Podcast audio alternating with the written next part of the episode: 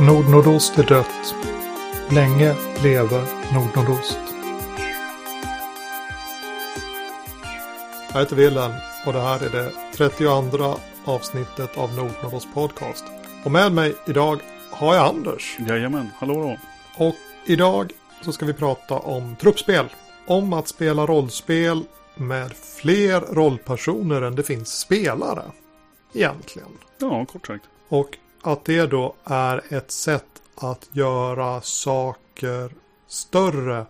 Kanske för den spelledare som vill ha en mer omfattande kampanj. Eller en mer levande kampanj. Eller vill berätta andra typer av historier än de man får om man följer en liten grupp äventyrare. Medan de cirkulerar i spelvärlden och är med om äventyr. Det finns flera olika spel som är som förberedda för att vara truppspel. Och det är också en teknik som man kan egentligen lägga på nästan vilket rollspel som helst. Bara man tänker igenom det lite grann innan man kör igång. Men jag kan väl börja med att prata om Ars Magica. Som kanske är vår första kontakt med truppspel i alla fall. Jag skulle kunna tänka mig att Ars Magica har myntat uttrycket. Eh, det står uttryckligen troop play i, i det spelet. Upplägget i Ars Magica är grovt taget så att eh, alla spelar en trollkarl. Men trollkarlar blir ju mest eh, framförallt mäktiga att sitta hemma och, och forska. Så eh, Alland spelar också en companion, en särskilt viktig medlem i det här konventet. Där, för de andra trollkarlarna, de sitter ju i samma borg eller samma torn eller sådär. Eh, som har dessutom då en viktig följeslagare. Och alla har då minst en eller kanske till och med två eller fler eh, mindre viktiga följeslagare. Som heter Grogs. I, eh, även in-game kallas de Grogs alltså. Det noterade jag i, i ordlistan i början och tredje utgåvan av Asmaga som vi kikade idag. Och det här då, eh, kanske framförallt krigare, men det är folk som är tjänare liksom i, i hushållet. Och poängen med att ha flera stycken är ju då att eh, ska det äventyras, de flesta vill lämna sin magiker hemma. Eh, men då måste man ha andra rollpersoner som kan åka ut och göra andra saker. Eh, fast då i och för sig, nu, nu fokuserar jag på äventyrsbiten här. Det är ju, Eh, vi ska ju också titta på just att det här låser upp för en helt andra typer av historier som du sa. Ja, på, på många olika sätt. Bland annat så öppnar det ju möjligheten att alla som är med vid bordet har en trollkar. Och att man sedan turas om att vara den som beskriver någon händelse utanför konvenantet som måste, man måste agera på. Och att spelledarna turas om att spelleda äventyr. Och, och, det är ju ett sätt att göra saker och ting bra mycket större än vad en spelledare orkar med att förbereda om, om det finns två vid bordet eller tre eller kanske till och med alla är spelledare vid bordet. Och alla kommer med turas om att föra in mer saker och, och köra sina äventyr för de här truppspelsgrupperna och inför varje spelmöte så diskuterar man ihop. Ja, jag, jag, jag har ett äventyr. Det är, vi, vi ska åka på en konklav i en annan stad. Sådär. Vilka ska vara våra representanter? Och någon, ja men min, min trollkarl kanske det är hans tur att åka. Och någon, ja men min, min, eh, min, eh, min riddare har ju funderat på att göra en, eh, en pilgrimsfärd dit. Så han kan följa med på resan. Och de andra inser att ja, men det finns redan en trollkarl och en kompanjon i, i gruppen. Ja men ni ska ha med lite tjänare så vi spelar tjänare. Så, så spelleder den spelledaren den historien. Och nästa gång man träffas så är det kanske någonting annat. Det är ett fruktansvärt odjur som terroriserar trakten trollkarlarna samlas och diskuterar vem måste då ta hand om det här odjuret och ta koll på det och utvinna viss ur eh, kroppen. Och på, på samma sätt igen då så har man en diskussion om vem som ska spela vad och sen så kör spelledaren det äventyret. Och visst, det är, det är magisk kraft, visst är det så? Ja, det är magi i fysisk form. Det är lite grann som filamenten i Ion. Om vi då ska prata svenska spel bra ingrediens när man ska trolla. Kraft på burk.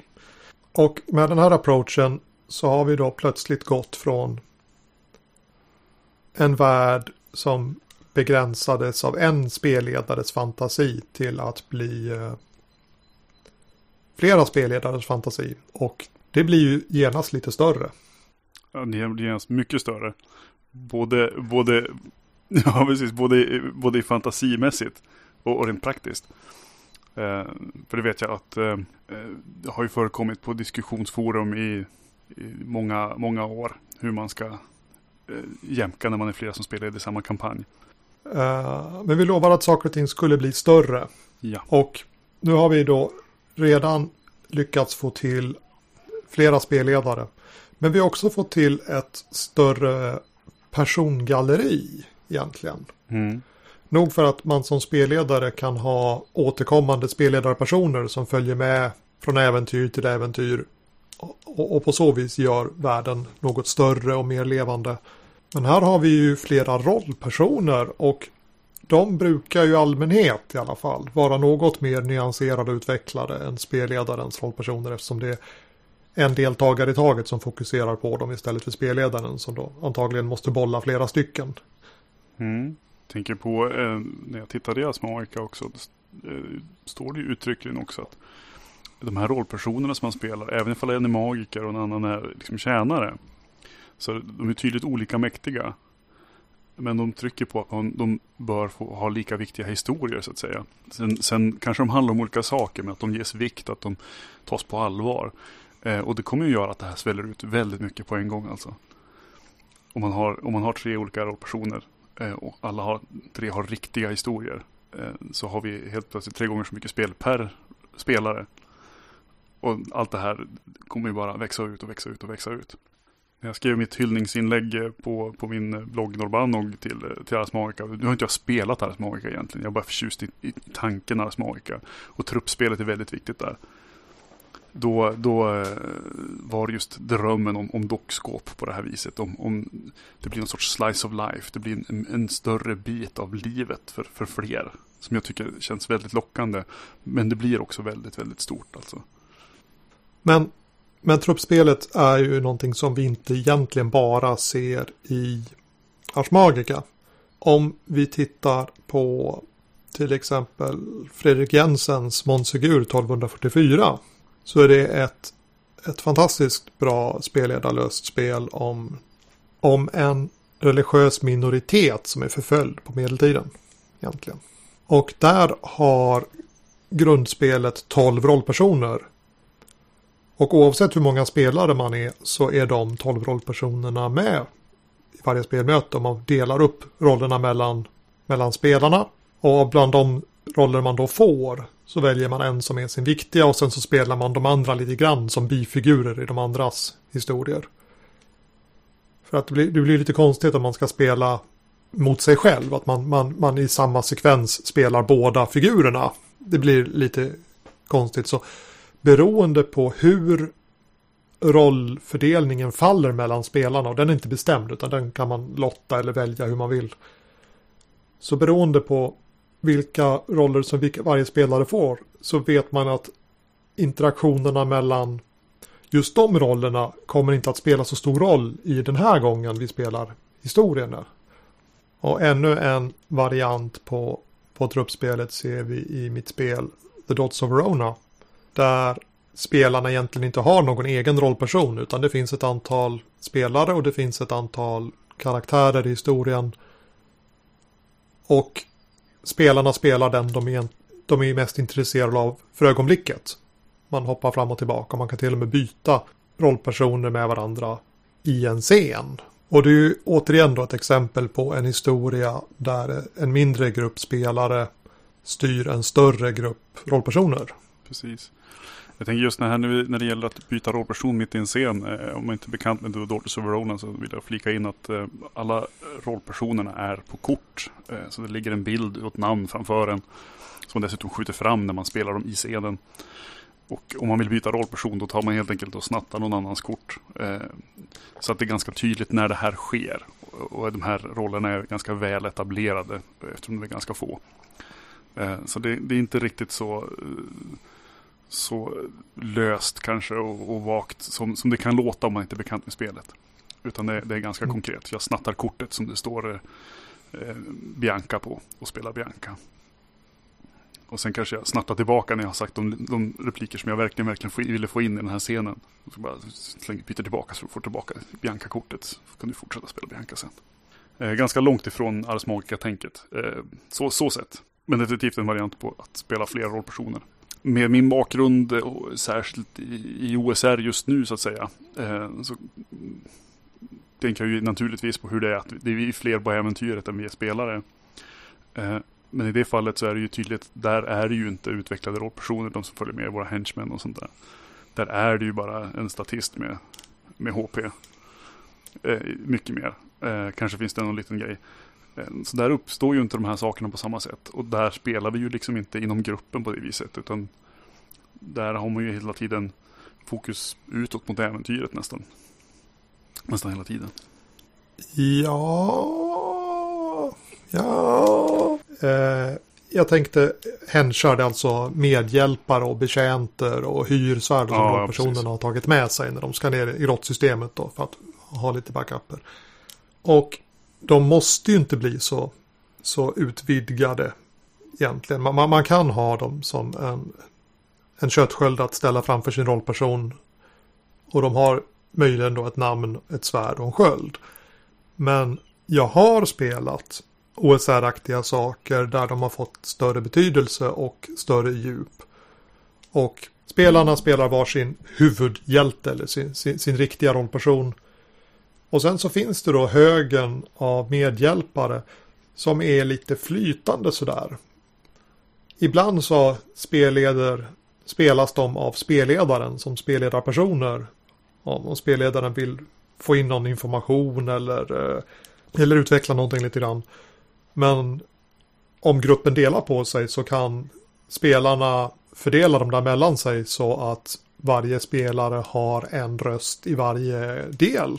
Mm, det är bra är inte helt ovanligt att, att, att eh, det blir så att ja, vi delar gruppen här då. Och, och, och, och, och om du spelar min, min henchman så kan du vara med i det andra gänget också. Och det tycker jag är ganska, ganska festligt. Och då är vi också egentligen tillbaka i det här spelet med truppspelet med fler rollpersoner än det finns spelare. Och vi har nästan det som Ars Magicas groggar de där. Mm. I alla fall i början. Och sen så visar det sig att den här henchen blir ganska populär och omtyckt. Och, och får mer och mer och mer djup. Och sen någon dör, dag så dör den riktiga rollpersonen i en fruktansvärd läskig fälla. Då blir det ofta så att henchen blir befordrad till ny rollperson. Man fyller i de där siffrorna som saknades och sen så fortsätter man. Och då är den figuren redan etablerad i gruppen. Mm. Det är inte Just. att man springer på en, en trollkarl i fängelsehålorna och säger du ser trovärdig ut. Här, här har du vår förra trollkarls mössa och käpp liksom. Utan man, man fortsätter, man får en kontinuitet i gruppen och berättandet. Ja, absolut. Jag misstänker ju att, att eh, truppspelet i Ars är sprunget ur att folk har spelat på ungefär det viset. Jag tror inte att, eh, jag tror inte att det är konstruerat för, för spelet utan att man har Eh, man har märkt att vi gör redan så här i vissa spel eller vissa sammanhang. Eller, och, sen, och sen renodlat det lite grann. Presenterat det liksom som en teknik med. Men det är, det är en vild spekulation. Ja, jag tror den här eh, varianten med att ha just eh, fler hantlangare så man kan, kan dela upp party till exempel. Är en ganska bra variant för att föra in den här typen av spel i, i andra spel. Alltså andra, eh, annat än Ars Magica. Till exempel alltså helt vanlig Drakar och Demoner-grupp eller någonting. Att ha de här extra rollpersonerna eh, som, som finns där och, och ta ur. Eh, särskilt eh, just det här med att splitta partyt är ju en klassisk no-no. Eh, just för att man inte får vara med på båda ställen samtidigt så att säga. Och det löser ju lite av det problemet att ha sin röst på båda ställena då. Genom att kunna vara de här extra personerna. Och tänker man eh, rollspelsmässigt, det klassiska partyt är ju ofta då fyra, fem personer till exempel. Jag tänker i litteratur så, så har vi ganska gott om exempel på, på större partyn än så. Eh, The Fellowship, i, eh, helt enkelt, liksom, Ringens brödraskap är ju 8-9 pers sådär. Ja, det är ju att öppna en maskburk det där med att börja ifrågasätta. Handlar alla historier om fyra personer som är lika kapabla och lika viktiga som då vår, vår traditionella fantasyparty brukar vara i alla fall. Då. Att man sätter upp ett, ett spelande med, med våra, våra fyra arketypiska hjältar som tillsammans går runt och utforskar världen och de är gjorda enligt ett regelsystem som mer eller mindre garanterar då att de är lika duktiga eller lika bra på att lösa problem och därför har lika stor eh, möjlighet att påverka gruppens prestation när de då går ner i grottan och letar efter guld. Men om vi tittar på populärkulturen så är det ganska få berättelser som ser ut så. Jag tänker på första bästa populära fantasy yttring just nu då. Uh, Game of Thrones, var den nu kan tänkas heta på svenska. Den handlar ju verkligen inte om ett äventyrarparty. Inte ett dugg. Men det går ändå att spela Game of Thrones med rollspel. Och ett sätt att göra det skulle kunna vara att göra ett truppspel av det. Att man gör upp rollpersoner av olika av de här figurerna eller liknande figurer. Och sen inför varje, varje spelmöte bestämmer sig vilka av de här handlar om idag då. Eller att man till och med går in på varje scen och säger ja, men vilka handlar om i den här scenen då. Och om man gör scenerna lite kortare så att man inte ägnar hela fyra timmars passet åt ett och samma perspektiv så går det till och med att hoppa fram och tillbaka mellan de här olika, olika perspektiven. Att en av spelarna spelar Aria och vi följer Aria-figurens berättelse i, i en kvart, minut, kvart, 20 minuter. Och sen är den scenen slut, det lilla avsnittet. Och så går man vidare till nästa. Ja, men jag, jag spelar ju den här eh, onda drottningen liksom. En annan spelare kör en, en kortare se sekvens med den. Och så går man varvet runt och de spelare som för ögonblicket inte spelar en roll i själva scenen sitter som en aktiv publik eller hoppar in och spelar spelledarpersoner. Och väljer vi att spela rollspel på det här viset då har ju saker och ting verkligen exploderat i omfång och omfattning. Men, men det blir ju ett väldigt annorlunda sätt att spela spel. Absolut. Det stora skiftet som, som sker där det är ju att man kapar eh, partyt. I Ars Magica så är man ju knuten till samma ställe. Man är fortfarande på samma sida så att säga. Eh, klipper man partyt och går till, eh, går till eh, Game of Thrones-grejen, alltså spela, spela tv-drama med den här, då är vi ju inne i eh, ja, jag säga, som, som du och jag är vana att spela rollspel sedan 2007 ungefär. Att, att vi är inne i hippieflummet där, där det är mycket mer eh, player versus player i någon mån. Alltså inte, inte så att vi faktiskt är emot varandra, men våra rollpersoner är riktade mot varandra. Med, med avsikt att sticka kniv i ögat på, på varandra ifall det behövs. Eh, och det är ett ganska stort skifte. Eh, jag är definitivt säker på att jag känner folk som skulle tycka det var schysst att spela truppspel Ars Magica-style. Eh, men skulle tycka att det var lite jobbigt att köra när, då, då, när vi då riktas mot varandra. Som spelare mot spelare. Det där är någonting som jag har funderat på ganska mycket på sista tiden. Jag håller på och, och skriver ett rollspel och jag sitter och funderar på om jag ska göra ett spelledarkapitel. Och förklara på hur spelar man rollspel? Och det är den här ständigt återkommande frågan. och eh, det går till och med att göra podcast som det. Eh, skriva böcker. Eh, hålla tal. Sitta och spekulera. Eh, över internet. Bråka om det på forum. Men ja, just nu så är mina tankar handlar om pilar. Och om vi backar till vår stereotypa eh, fantasyparty så är det personer och de vänder sin uppmärksamhet och spelarna vänder sitt intresse ut från gruppen av rollpersoner. Krigaren vill döda draken och bli rik. Spelaren vill se på när krigaren slåss med spelledarens drake, tar drakens pengar och blir rik. Det vill säga, vi har spelgruppen och de har sin agenda kanske som en enda stor pil som går ut från hela gruppen eller möjligen lite olika små. Ja, men tjuven vill också starta ett tjuvgille i i basstaden liksom. Men det är ändå någonting som utgår från gruppen och sker, interagerar. Intresset och målet är utanför gruppen.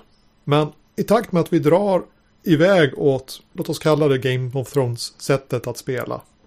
Så börjar pilarna att sluta peka på spelledarens saker. De börjar som riktas mot de andra figurerna i, i partyt. Eller inte i partyt längre utan i de andra rollpersonerna. Mm. Plötsligt är det inte längre krigaren och hans kompis tjuven som slåss mot draken. Utan krigaren kanske fortfarande är intresserad av att döda draken. Men, men tjuven är intresserad av var, var de där pengarna ska någonstans. Och hur, hur, om, om det går att komma över dem. Och de skulle ju faktiskt vara bra för att etablera det här tjuvgillet. Och, och, och krigaren kanske också har behov av att hålla ordning i den här staden. Och att det absolut inte ska bli något tjuvgille. Och vi släpper tanken på att spelarna tillsammans besegrar äventyret. Och istället att vi följer och ser vad som händer och det är intressant även om min rollperson förlorar inom citattecken. Bara jag som spelare får en bra historia. Det här skiftet är nog tungt vägande tror jag för att indiespelen blev en sån stor grej hos oss. Att vi är intresserade av rollpersonerna på deras egna meriter. Det går alldeles utmärkt att i samma grupp ha en kung och en kammartjänare. Och de är väldigt olika i makt och stridskapacitet och förmåga att, att påverka världen. Men deras historier kan vara precis lika intressanta. Kungens kärlekshistoria är lika intressant som kammartjänarens kärlekshistoria. Och när vi valde att vända våra historiers pilar inåt så fick vi också möjlighet att spela helt andra saker än vad vi kunde spela tidigare. Nu kan vi spela stort sett vilken litterär genre som helst. Det, det, det, det, går bra att spela rollspel på det. Ta, ta vilken favoritbok eller favoritfilm som helst och det går att spela rollspel på den på ett meningsfullt sätt. Vilket jag inte tyckte att det riktigt gick när jag eh, var yngre och min värld bestod av traditionella spel och jag spelade till exempel Drakar och Demoner. För de, där fanns det som en implicit tanke på att man skulle vara en balanserad spelgrupp som hade sina intressepilar vända utåt. Även om vi och säkert många andra också, också hade några pilar som pekade internt i gruppen. Men då blev det oftast ett problem. Ja, gruppen hade sina pilar riktade utåt. Men tjuvspelaren hade insett att det var lättare att ta pengarna från riddaren än att ta dem från draken. Så tjuven vände sin pil inåt i gruppen och så blev det bara kaos. mm, mm. Ja, det blir en väldigt stor skillnad. Eh, det här ser vi på grottröjor ibland. Eh, vi eh, är några stycken som, som kommer dit och, och tänker oss att vi ska spela väldigt eh, ehm, expeditionsinriktat så att säga. Man, man går verkligen dit, riktar pilen stort mot äventyret. Eh, och så kommer det ju folk eh, då och då som följer, jag ska säga, en, en, den mer typiska sättet att spela rollspel i Sverige. Vi spelar ganska mycket karaktärsspel. Eh, det, det, det, har, det har hållits upp som en, som en standard och som, som en, någonting man ska hålla på med. Eh, jämfört med den amerikanska stilen. Nu sitter jag och viftar med fingrarna här. Amerikanska inom citationstecken. Då. Eh, där, där man inte spelar så mycket rollperson utan, utan besegrar äventyret. Och det blir en väldigt, väldigt stor skillnad. Och som sagt, det blir plötsligt ett hinder då. För då har det inte varit det man har tänkt sig. Och spelet eh, har nog varit inriktat på det ena och inte riktigt tänkt, förutsett det andra. Och man använder dem till andra saker. Och det får lite lustiga effekter ibland. Eh, när det gäller att vända pilarna mot varandra och att eh, inte nödvändigtvis, eller inse att min rollperson kanske inte är huvudperson nu. Så nu känner jag att jag behöver gå på lite sidospår här och prata om, eh, om eh, spelet In a Wicked Age. Som har varit ganska viktigt för mitt rollspelande de senaste åren. Ehm, eh, där i det spelet så har man orakel, eh, vilket är slumplistor organiserade efter, efter eh, spelkort. Så man drar fyra kort, eh, får fyra häftiga grejer, gör en lista på rollpersoner som finns implicit eller explicit i de här. Och sen väljer man rollpersoner från den listan. Resten blir SLP. Eh, och så börjar man rikta pilar och där, där är det till och med tekniken sån att man ska rikta en mot en namngiven person. Och det ska vara någonting vi kan kryssa av att det har hänt eller inte. Jag vill, jag vill lyckas gifta mig med dig. Jag vill lyckas mörda dig. Sådana saker alltså. Eh, väldigt tydliga grejer. Som en ganska stark eh, kraft för att rikta spel så att man kommer igång och kör. Och där är det ju som sagt väldigt mot varandra. Eh, mot varandra säger jag, men, då menar inte, menar inte nödvändigtvis konflikten, att det riktat, att man, att man riktar eh, fokus mot varandra. Liksom. Och eh, särskilt när jag har spelat In the Wicked Age som, som det är, med sitt eget regelsystem. Jag har spelat mycket med Archipelago också. Som då, är, det blir mer, mer friform och, och med e- orakel jag skrivit själv. Har blivit mer melodrama liksom. Men, eh, men original In the Wicked Age som är mer eh, ökenfantasy, sword and sorcery. Då har det ofta vi, vi varit så att när vi har spelat de spelmötena, då har det visat sig efter ett tag att ah, det, det var ju du som var huvudperson här.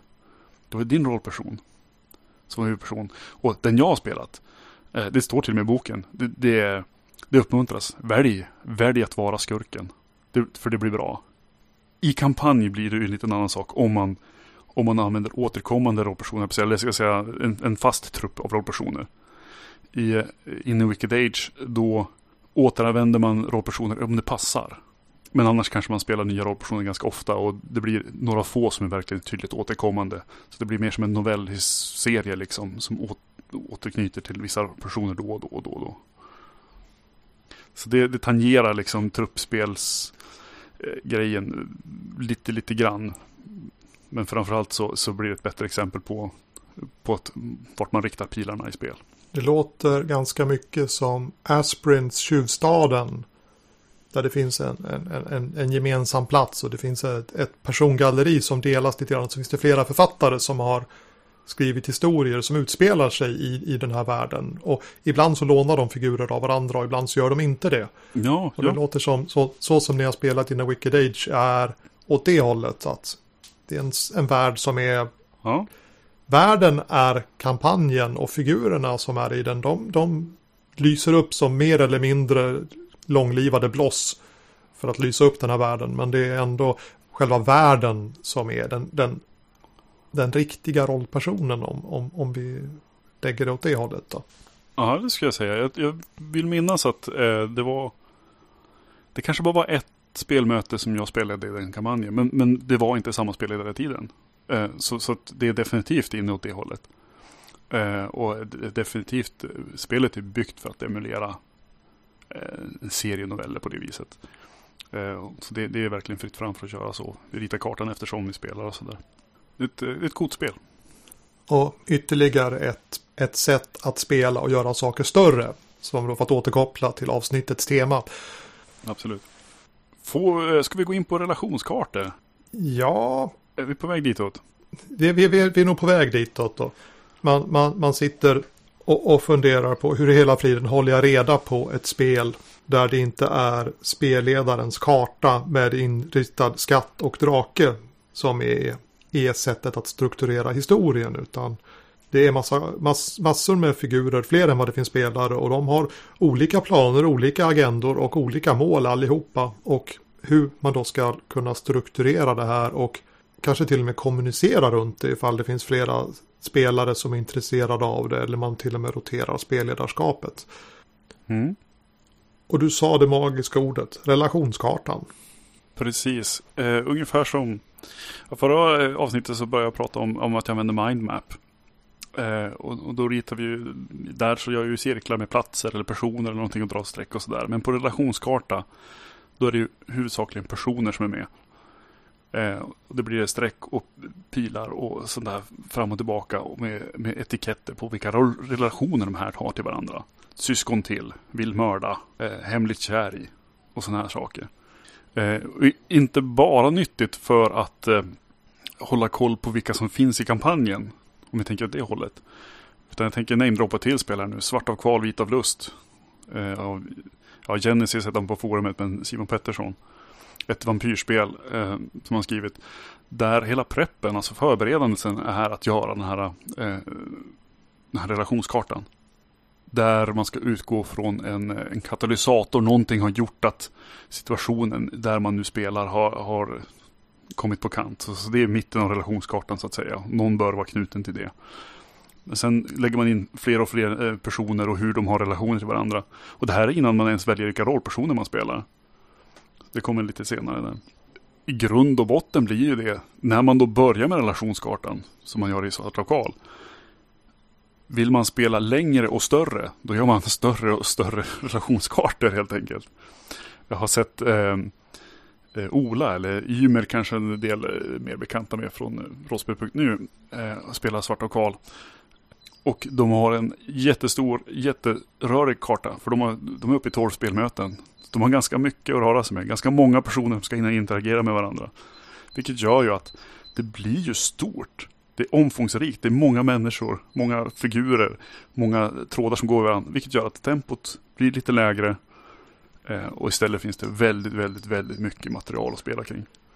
För att göra en återblick till förra avsnittet och den stressade spelledaren som inte riktigt har tid att förbereda för en kampanj. Så är det här en väg. I det stereotypa rollspelet var spelledaren tvungen att rita en, en karta och ta fram en drake och bestämma vilka föremål som var i skatten. Och så eh, ta fram lite rövare som kunde vänta på vägen och sådär. Det var som förberedelser. Om vi skiftar till den här typen av spel, att vi vänder pilarna inåt, då är relationskartorna förberedelserna egentligen. Och, och det, det, det är bara att ta vid där vi lämnade förra spelmötet. Vi behöv, man behöver som spelledare inte förbereda någonting egentligen. Man, man behöver bara dyka upp, ha med sig relationskartan och få igång folk. Och om man då drar det ytterligare lite längre så behöver man inte ens ha någon spelledare då för att alla ser ju äventyret, alla ser relationskartan, alla vet vad som vad folk vill, inte vad som händer när de söker det de vill, men alla ser vad som är på gång, vad som är görningen och vad det finns för agendor som rör sig. Ja, precis. Eh, Svarta Karl är ju spelledarlöst till exempel. Många andra, det finns mycket andra indiespel som också bygger på relationskartor. Men det är, men det är, en, det är en schysst teknik att använda både med och utan spelledare. Definitivt.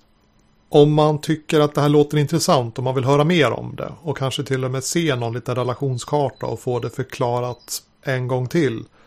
Så finns det eh, en farbror på YouTube som kallar sig Lindebeige.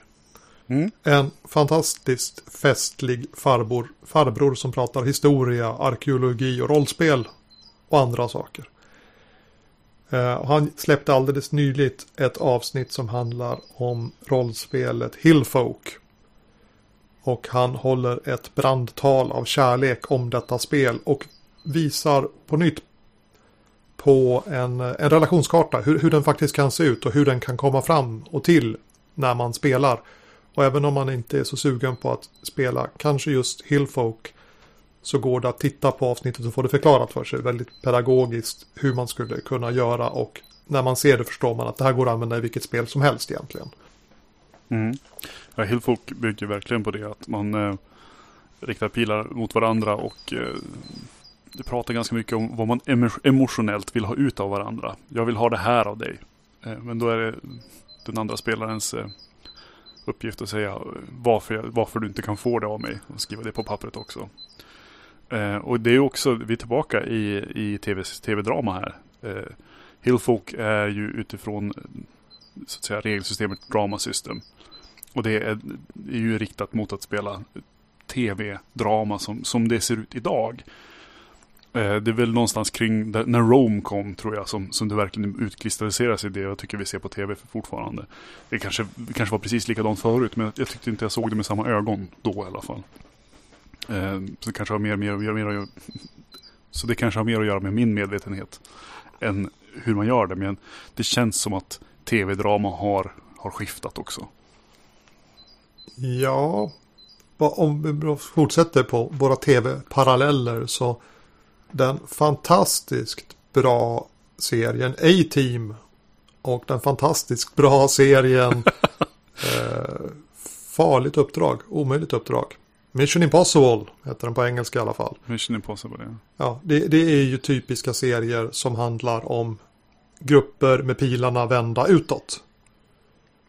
Och mm. den ikoniska australiensiska tv-serien Kvinnofängelset är en typ av historia där pilarna är vända inåt. Och, och då också Mm. får ett större persongalleri än vad våra vänner i A-Team har. De, de var fyra stycken. Det här är ett jättebra exempel. Kanske, kanske lite daterade, men det är jättebra Ja, jag, jag exempel. slutade titta på, på tv på 90-talet så att jag har tyvärr inte riktigt hängt med i den senaste utvecklingen. Men ändå vi kan byta, jag vet inte, hur mycket, hur mycket äventyrsserier av typen A-Team som görs nu. Det tror jag är dåligt. Jag tror att vi kan uppdatera eh, Kvinnofängelse till, eh, till Orange is the New Black till exempel. Eh, Det kommer fortfarande ha pilarna inåt. Jag har inte tittat på den, så jag bara, jag bara förutsätter att det, det är mycket drama. Eh, Men, men någon tydlig eh, pilarna utåt-serie, jag vet inte tusan alltså. Eh, Inte ens de här Monster of the Week-aktiga grejerna som Supernatural är ju så, utan det är fortfarande väldigt mycket kring dem i relation tror jag. Jag har inte tittat på den heller, så att jag, bara sitter här och spekulerar vilt. Men när det gäller tv och drama så tycker jag det var så roligt första gången jag tittade på Rome. Eh, jag kommer tillbaka till Rome här igen för att det var första gången det hände för mig. Efter att ha spelat, eh, ja, när de hade spelat Solar System till exempel och, och eh, lite andra saker. Eh, den har liksom stött på eh, Story Now som, som det presenteras i liksom rollspelsteorisnacket. Att narrativism, att, att, att ställas inför val och vad handlar det här egentligen om? Att utmana rollpersonerna liksom. Eh, och, och, och få reda på vilka var de är om. Jag tyckte Rome var så himla tydligt med det där. Varje gång det hände någonting sånt där så kom det någon situation och shit nu måste de välja mellan det och det. Och det kändes så tydligt att det kändes det här, det här har jag ju, det här har jag ju suttit vid spelbord och gjort nu. Och det kändes så tydligt att det var samma sak som hände liksom. Fast, fast nu på skärm med, eh, med någon skådespelare. Men, men i, i manus så att säga. Det, det är samma grej som har, som har upptäckts. Alltså, dramaturgin är det väldigt lik. Det var lite längre sedan jag såg Rome. Jag tyckte den var fantastiskt bra. Och den är ju ett väldigt exempel på, på en historia med pilarna inåt. Även följeserien, inte följeserien, men, men, men Spartacus är också i någon mån en historisk tv-serie då under typ samma period. Och den har ju en begränsad, eh, den handlar om, om slaven Spartacus fram tills dess att Spartacus eh, blir eh, slavupprorsledaren Spartacus. Sen så finns det ytterligare någon säsong som suger kapitalt. Men, men de första säsongerna handlar om, om Spartacus innan han blev slavledaren Spartacus. Eh, och det är en väldigt begränsad plats. Det är en, eh, en skola för gladiatorer eller ett stall av gladiatorer. Så att det är några gladiatorer, det är killen som har stallet, hans fru, eh, lite tjänstefolk. Och det är kärntruppen i, i den här berättelsen. Det är en begränsad plats och det är personer som har sina pilar vända inåt i gruppen. Nästan allihopa. Eh, herrn i huset har en del pilar som är vända utåt för att han försöker etablera sitt hus status i omvärlden. Men det är en begränsad plats men det är en otroligt rik berättelse. Om man inte har sett den så kan jag verkligen rekommendera de första tre säsongerna. Och sedan låtsas att det tog slut där. Därför att därefter följer bara besvikelse och elände. Men ja, mediatips. Rom är också bra. Ja, man, man får ju vara beredd på att det visar sig att de och huvudpersonerna tycker om de är svin. Liksom. Ja, det, det är bara så.